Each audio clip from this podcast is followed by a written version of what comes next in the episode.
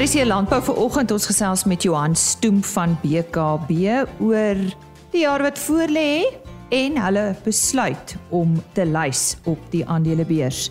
Ons het nuus oor veilinge en ons gesels met Dr Hester Vermeulen van BFAB oor verbruikers se persepsie van handreinigers. Jy sal dalk wonder wat het dit met landbou te maak? Bly ingeskakel vir daardie antwoord.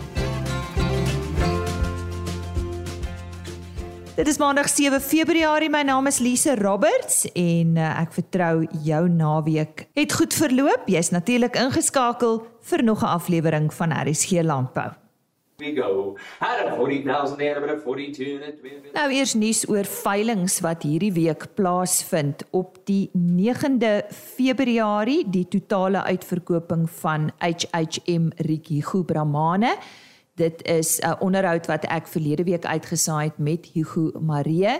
Net weer, dit is by Sulphur Springs by die Pietretief omgewing. Die aanbod is 60 koeie, 15 dragtige verse en 18 oop verse. Een stoetbil, 6 potensiële stoetbulle en semen. Dit word aangebied deur Simon Hughes Marketing en die afslaer is Simon Hughes. Ook op die 9de, die Bo Germie boerdery staak boerdery veiling. Dit is op die plaas te Pereri in die Vryburg omgewing. Die aanbod is 25 bonsmara bulle en 230 stoet en kommersiële vroulike bonsmara diere in alle produksie stadia. Dit word aangebied deur Noord-Kaap Lewende Hawe en die afslaer is Teuns Visser.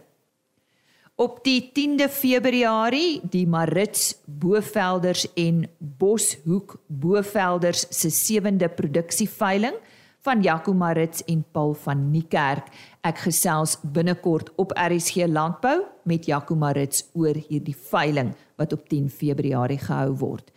Ook op 10 Februarie die Tigani Bonsmara aanteelveiling. Dis op die plaas Goed vooruitsig in Hartbeesfontein. Die aanbod is 15 bulle en 250 vroulike diere aangebied deur Noord-Kaap Lewende Hawe en die afslaer is Teuns Visser. En dan is dit vir eers vandag se veilingnuus. Dis 'n nuwe maand en dit beteken ook nuwe tydskrifte op ons winkelrakke om te hoor waaroor jy kan lees in die Februarie uitgawe van Veeplaas. Laat ons nou aan by die redakteur Dr. Frikkie Marie. Dankie Lize. Die Februarie uitgawe van Veeplaas fokus bietjie op rekordhouding en Isak Hofmeyer het 'n goeie artikel geskryf oor rekordhouding vir skaapprodusente waar daar nie net gekyk word na die tipes rekordhoudingsstelsels nie, maar ook na die inligting wat regtig van belang is wat bymekaar gemaak moet word. 'n Ander goeie artikel onder vee algemeen is die besigheidsstrukture en die verskil word uitgelig tussen die verskillende besigheidsstrukture en waarna jy moet lê op moet let tussen die verskillende tipes. Onder die rooi vleisbedryf is 'n artikel oor bekroonde Brahmans toetelers se wenresep. Veselbedryf kyk ons na wonderboom se juwele wat bietjie skitter. In die suiwelbedryf 'n uh, artikel oor koei gemaak in jou melkkudde en in die wildbedryf 'n planmatige wilduitdinning. Onder voer en weiding weer eens artikels wat pas by die tyd van die jaar om skaapvoedingswenke vir elke produksiefase en dan ultra hoë druk beweiding wat nou redelik algemeen voorkom en hoe die natuur dit sou doen. Nou genetika en veehantering, um, is daar 'n artikel oor ramkoop teenoor selfteel en hoe lyk die somme en ek dink baie van ons sukkel daarmee. En dan ook basterkrag vir beter genetika en produksie natuurlike gesondheid. Kyk ons na bosluise wat maar in die somer altyd 'n probleem bly en dan sou ook 'n artikel oor anaplasmose. Ons plaasbestuur is daar 'n artikel oor die finansiële oorlewing in moeilike tye en dan 'n goeie artikel iets wat na ons nie baie oplet nie is hoeveel geld gaan ek nodig hê by aftrede en hoeveel voorsiening moet ek dus maak om die dag wanneer ek wel die plaas moet verlaat steeds gemaklik te kan lewe. So Lisa weer eens 'n uh, goeie tydskrif vol inligting reg vir hierdie tyd van die jaar. En so sê die redakteur van die Veeplaas tydskrif, Dr. Frikkie Marie. Johan Stoemf is die bestuurende direkteur van die BKB groep. Ek het vroeër met hom gesels oor die jaar wat voorlê en die feit dat hulle eersdaags lys. Kom ons hoor eers wat hy te sê het oor landbou in Suid-Afrika en die jaar wat voorlê. Ag baie dankie Lise. Ehm um, ek dink as ons net op 'n makro vlak kyk, uh, daar's 'n klomp dinge nog steeds aan die gang. Ek dink uh, in die eerste plek dink ons die impak van die pandemie gaan in hierdie jaar verminder um, in terme van uh, kom ons noem maar die al die wette en die reëls daar rondom. Ehm um, dit behoort dalk tot gevolg te hê dat ons 'n bietjie vryer ekonomie het. Ehm um, wat die vraag daar kan stimuleer na sekere produkte veral aan die luukse produkkant, ehm um, soos die wol, uh waar die wol en die en die bokhaar uh, is. Ehm um, ek dink tweedens as ons nader kom na Suid-Afrika toe, uh, daar's natuurlik nou die baie reën in die noorde wat uh, ons nog nie die volle impak van verstaan nie. Ehm um, dit het op ons graanbesighede uh, in die noorde gaan dit waarskynlik 'n impak hê. Ehm um, maar ons dink nie dit is so groot soos wat baie van die kommentators glo nie. Ons dink daar sal 'n impak wees, maar dit sal dalk meer na die weste toe wees en dit sal kleiner wees. Um, as as wat baie mense glo. Dis soos een boer vir my sê 'n droogte affekteer jou hele plaas waar te veel reën affekteer kolle. En ek dink dit is baie moeiliker om die impak te bepaal van te veel reën, um, omdat dit so in kolle voorkom. Verder as ons na die Suid-Afrikaanse landbouomgewing kyk, ek dink 'n bekommernis nog steeds vir ons is die hawens, die bottelnekke wat ons daar ervaar en en, en wêreldwyd is daar nog steeds um, druk op die verskaffingsketTINGS as gevolg van van skepe en en containers en die goed wat nie op die regte plekke is nie en ons dink dit gaan nog voortgaan hierdie jaar. Uh en dit dit is 'n bekommernis vir ons in terme van waar ons uh, in in die uitvoer betrokke is. Maar oor die algemeen verwag ons 'n relatiewe goeie jaar. Ons dink dit sal dieselfde of beter wees as as as verlede jaar en uh ek dink ons is positief en ons dink um, die landbou gaan weer 'n goeie jaar beleef. Um, hier en daar gaan daar soos maar altyd in landbou gaan daar probleme wees. Ons sit nou met vloede wat in die benede Oranje rivier weer as gevolg van die damme wat so vol is. Maar dis maar landbou. Mens moet maar elke dag uh, op jou voete dink en jy moet soos dinge verander dit kan hanteer. Johan, en iets opwindends wat vir julle voorlê. Ons is bewus dat julle vroeg in Maart gaan begin lys. Vertel ons bietjie daarvan. Ja, kyk BKB is al baie lank uh kom ons noem dit gekommersialiseer in terme van die verhandeling van sy aandele. Ek dink dit was waarskynlik een van die eerste agribesighede wat heeltemal vry kon verhandel in sy aandele. So ehm um, ek dink dit trek nou al hier by die 25 jaar. Nou dit is dan op 'n privaat basis gedoen uh tot nou toe. Wat dit moeilik maak vir aandeelhouers om kopers en verkopers bymekaar uit te bring. Ons kan nie aktief volgens wette rol daarin speel nie. So die raad het besluit al 'n rukkie terug dat om primêr om dit makliker te maak vir ons aandeelhouers om hulle aandele te kan verhandel, um, moet ons kyk na 'n meer openbare platform. Ehm um, so ons het besluit om die besigheid te lys op die op die nuwe Cape Town Stock Exchange. Ehm um, wat in Kaapstad gebaseer is dit is um op die stadium slegs daar om aandele makliker verhandelbaar te maak. Um so ons gaan nie nou kapitaal soek in die markte of die plan is nie om nou binnekort kapitaal te gaan soek in die markte nie. En uh ek dink met BKB wat oor 'n 4.500 aandeelhouers het, maak dit net vir ons aandeelhouers nou 'n meganisme oop om makliker die prys van die aandeel te te ontdek en dan makliker aandele tussen mekaar te te verhandel of te verkoop of te koop. Ehm um, ek dink net 'n ding wat ek dalk kan noem is as aandeelhouers wel ehm um, aandele het in BKB en hulle het sertifikate hierdie proses behels die dematerialisering van ons aandele sodat behels dat ons gaan nou digitaal met ons aandele en hulle moet dan net asseblief ons maatskappy sekretaris skakel um, om daai fisiese aandelesertifikate om te skakel dan in 'n digitale in 'n digitale aandeel wat dit dan baie makliker vir hulle gaan maak om te kan verhandel in die toekoms. Uh ja, ons sien uit daarna. Ek dink is 'n nuwe era. Ek dink landboubesighede is besighede wat baie keer moeilik is om om om te lys omdat daar allerlei reëls rondom wie mag aandelehoue aandeelhouers wees en wie mag nie. Maar in ons geval mag enige een wees en ons dink dit kan likwiditeit meebring en dit kan waarskynlik um, 'n groei in die aandeleprys uh, teweegbring omdat daar meer likwiditeit in die aandele sal wees. Johan Stoomf, die bestuurdirekteur van die BKB groep wat ver oggend met ons gesels het. As jy nou hier by ons aangesluit het, baie welkom. Jy's ingeskakel vir RSG Landbou. Dis net hier op RSG vanaf 5uur tot 6:30 van my kant af, Maandag tot Donderdag. Ek gesels nou met Jaco Marits oor die Marits Bovelders en Boshoek Bovelders se sewende produksieveiling. Dit is die veiling van Jaco Marits en Paul van Niekerk en ek gesels nou met Jaco. Jaco, dit is 'n gesamentlike veiling. Bied jy en Paul gewoonlik julle veiling saam aan? Elisa, hierdie is my sewende produksieveiling wat ons aanbied en aangesien ek en Paul al sedert 2017 'n gesamentlike bilveiling in Augustus het, was dit maar 'n natuurlike uitvloeiing dat hy deel geword het van die produksieveiling.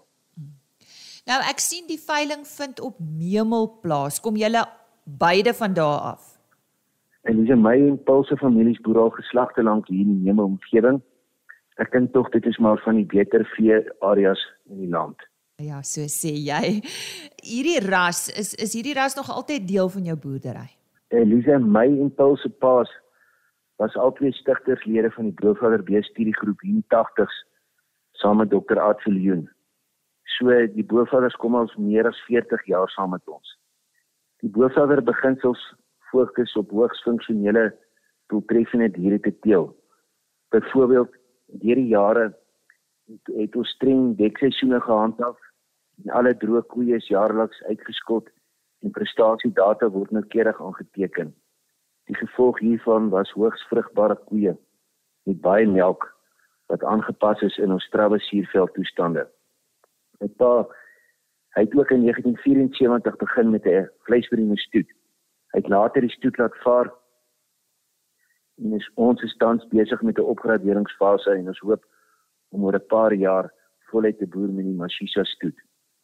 Ons fokus op 'n vroeë tipe vleismerino wat meerlinge teel en aangepas is in in in ons omgewing.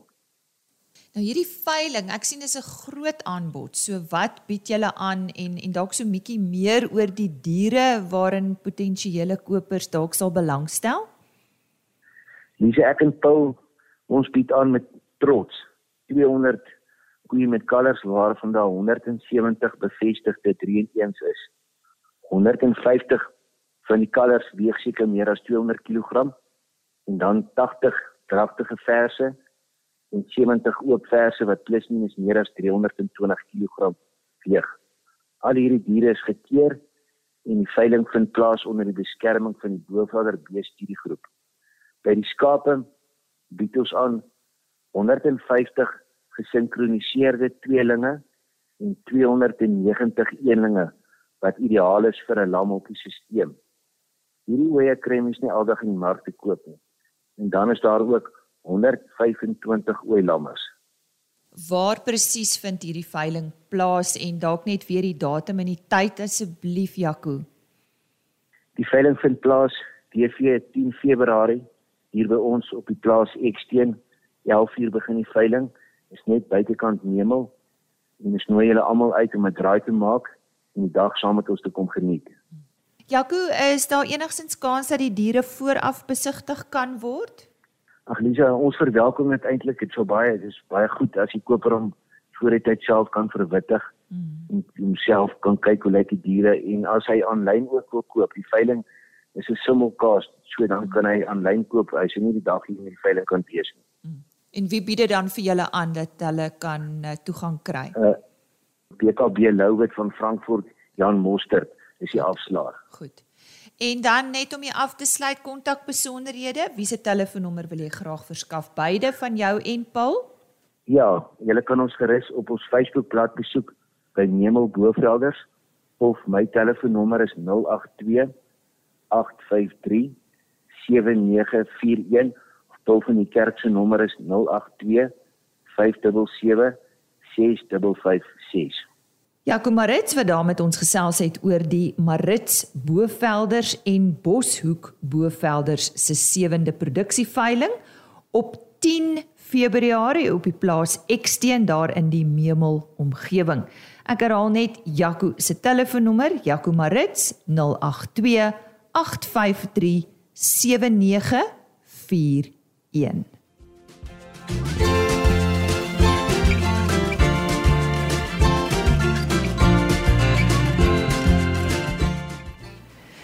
BFAB of die Buro vir Voedsel en Landboubeleid het 'n studie gedoen oor die verbruiker en handreinigers.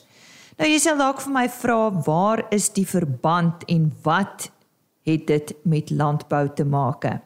Wel bly ingeskakel want ek gesels nou met dokter Hester Vermeulen. Sy is bestuurder verbruikersekonomie en analise.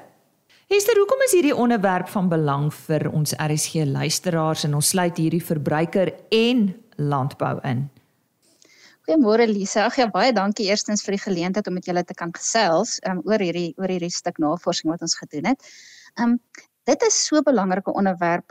As ek eers op 'n breër breër vlak kyk, sal ons sê goed, almal wat luister is tog 'n verbruiker op een of ander vlak. Maak nie saak in watter sektor ons werk nie.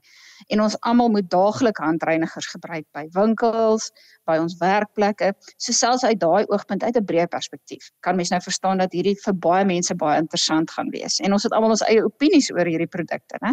Maar dan, vanuit 'n meer kommersiële perspektief, is die gebruik van handreinigers byvoorbeeld deur personeel in die voedselketting vanaf die plaasvlak, pakhuise, voedselfabrieke en ook die winkels waar die kos ver verkoop word ook net so relevant. En met ander woorde as eienaars van ondernemings vir hulle kan dit baie help om beter te verstaan hoe die mense wat by hulle werk of by hulle koop oor handreinigers voel en dink, um, sodat hulle beter keuses kan maak vir hulle werk werknemers en hulle kliënte dan op die einde. Esther, maar nou julle het 'n studie of navorsing hieroor gedoen. So, wat is nou die doel daarmee? As gevolg van die uitbreek van die COVID-19 pandemie, het maatreëls om die verspreiding van die virus te bekamp mos nou dramaties toegeneem. Nou ten opsigte van handhigiëne, het die was van hande met seep en water, asook die gereelde gebruik van handreinigers geweldig belangrik geword vir alle mense in hierdie pandemie tydperk, ook dan in Suid-Afrika soos ons weet. Nou voor die pandemie was 'n goeie hande was sessie vir meeste mense baie alledaagse as aksie, maar die gereelde gebruik van handreinigers definitief nie. Dit was heel waarskynlik maar beperk tot mense wat dalk in voedselfabrieke gewerk het of in die mediese veld. Nou die geweldige toename in die gebruik van handreinigers in ons land het daartoe gelei dat 'n span navorsings, dit was die Universiteit Pretoria navorsers, spesifiek professor Lise Korsten en dokter Willeke de Bruin, in samewerking met BIFA besluit het om 'n studie te doen van Suid-Afrikaanse verbruikers se kennis, gebruik en persepsies van hierdie hierdie produkte en dan het die IP navorsers ook nog gegaan en die produkte geanaliseer in terme van chemiese inhoud en skadelike stowwe en en of dit aan regulasies voldoen en so maar ons fokus nou vandag net op die verbruikersgedeelte. Ja, baie interessant. So kom ons praat oor daai bevindinge. Hoe gereeld koop verbruikers handreinigers en waar? Ons het bevind dat omtrent Net so bietjie minder as die helfte van ons respondente koop handreinigers um, op 'n maandelikse basis, terwyl sowat 'n derde sulke produkte net nou en dan aankoop. En dan soos verwag, is hoër inkomste en middelste inkomste verbruikers meer geneig om hierdie produkte aan te koop, terwyl lae inkomste verbruikers meer dit iewers kry of gebruik waar hulle dit dan vind by winkels of as hulle by 'n plek inloop of so. En die gewildste aankoop plekke van of die die die die winkels waar hulle dit die graagste koop is maar hoofsaaklik jou groot kruidenierswinkelgroepe en jou groot apteekgroepe hmm. was waar meeste mense verkies om dit te koop. Wie reinig hulle hande die meeste en watter faktore kan hierdie gedrag nou tipies beïnvloed? Dit was nogal interessant dat ons bevind het dat die frekwensie van handreiniger is geneig om af te neem met sosio-ekonomiese status. Met ander woorde, lae inkomste respondente het op 'n gemiddeld omtrent 15 keer per dag per dag hulle hande gereinig, gevolg deur so 13 keer per dag vir middelinkomste verbruikers en so 10 keer per dag vir hoër inkomste verbruikers.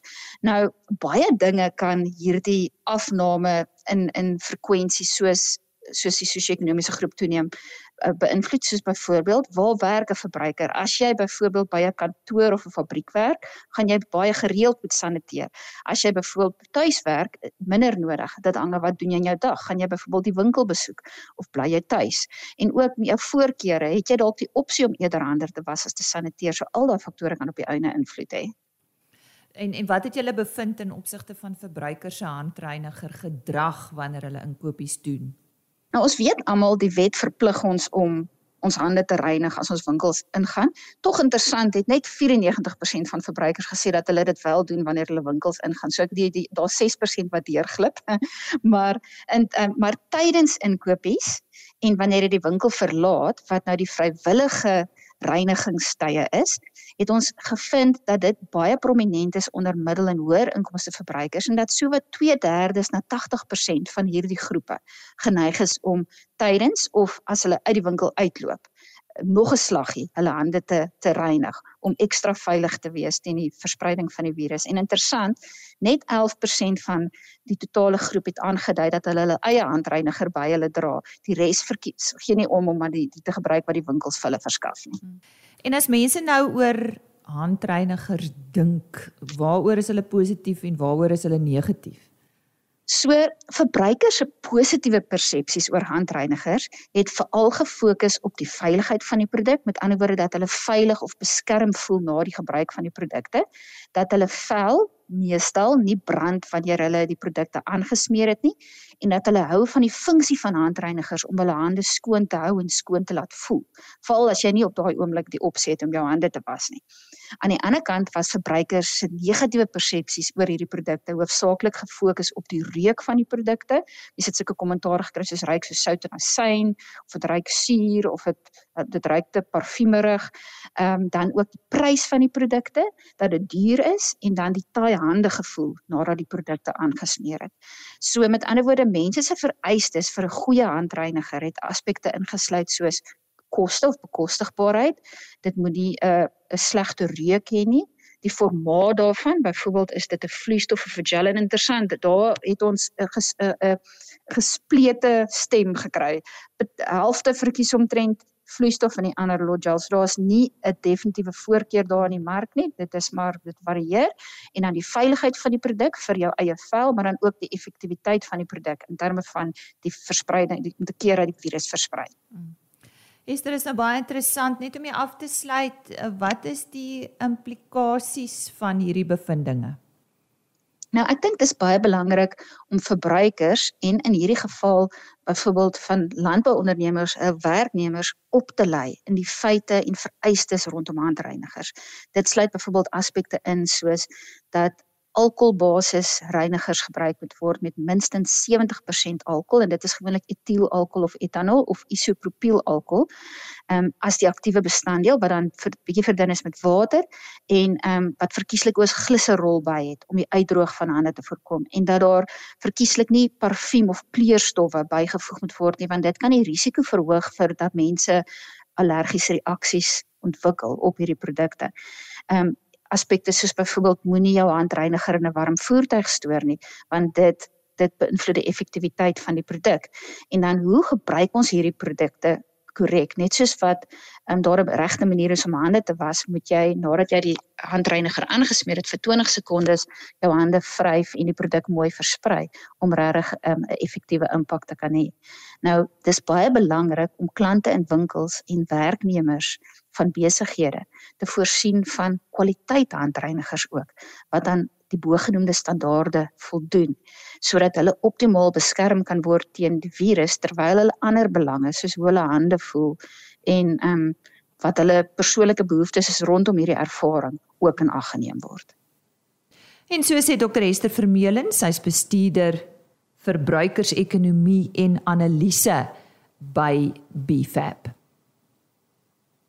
dan môreoggend weer aan te sluit by die RSG landbou span. Ons praat dan onder andere oor wolpryse en ons praat ook oor kuilvoer.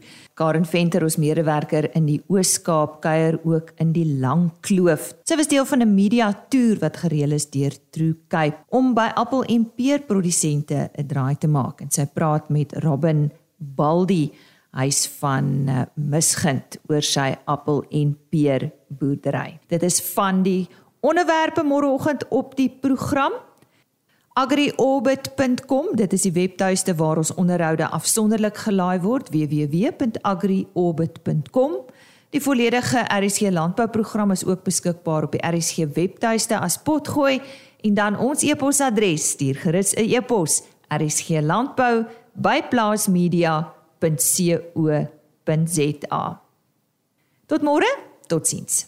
RSG Landbou is 'n plaas media produksie met regisseur en aanbieder Lize Roberts en tegniese ondersteuning deur Jolande Rooi.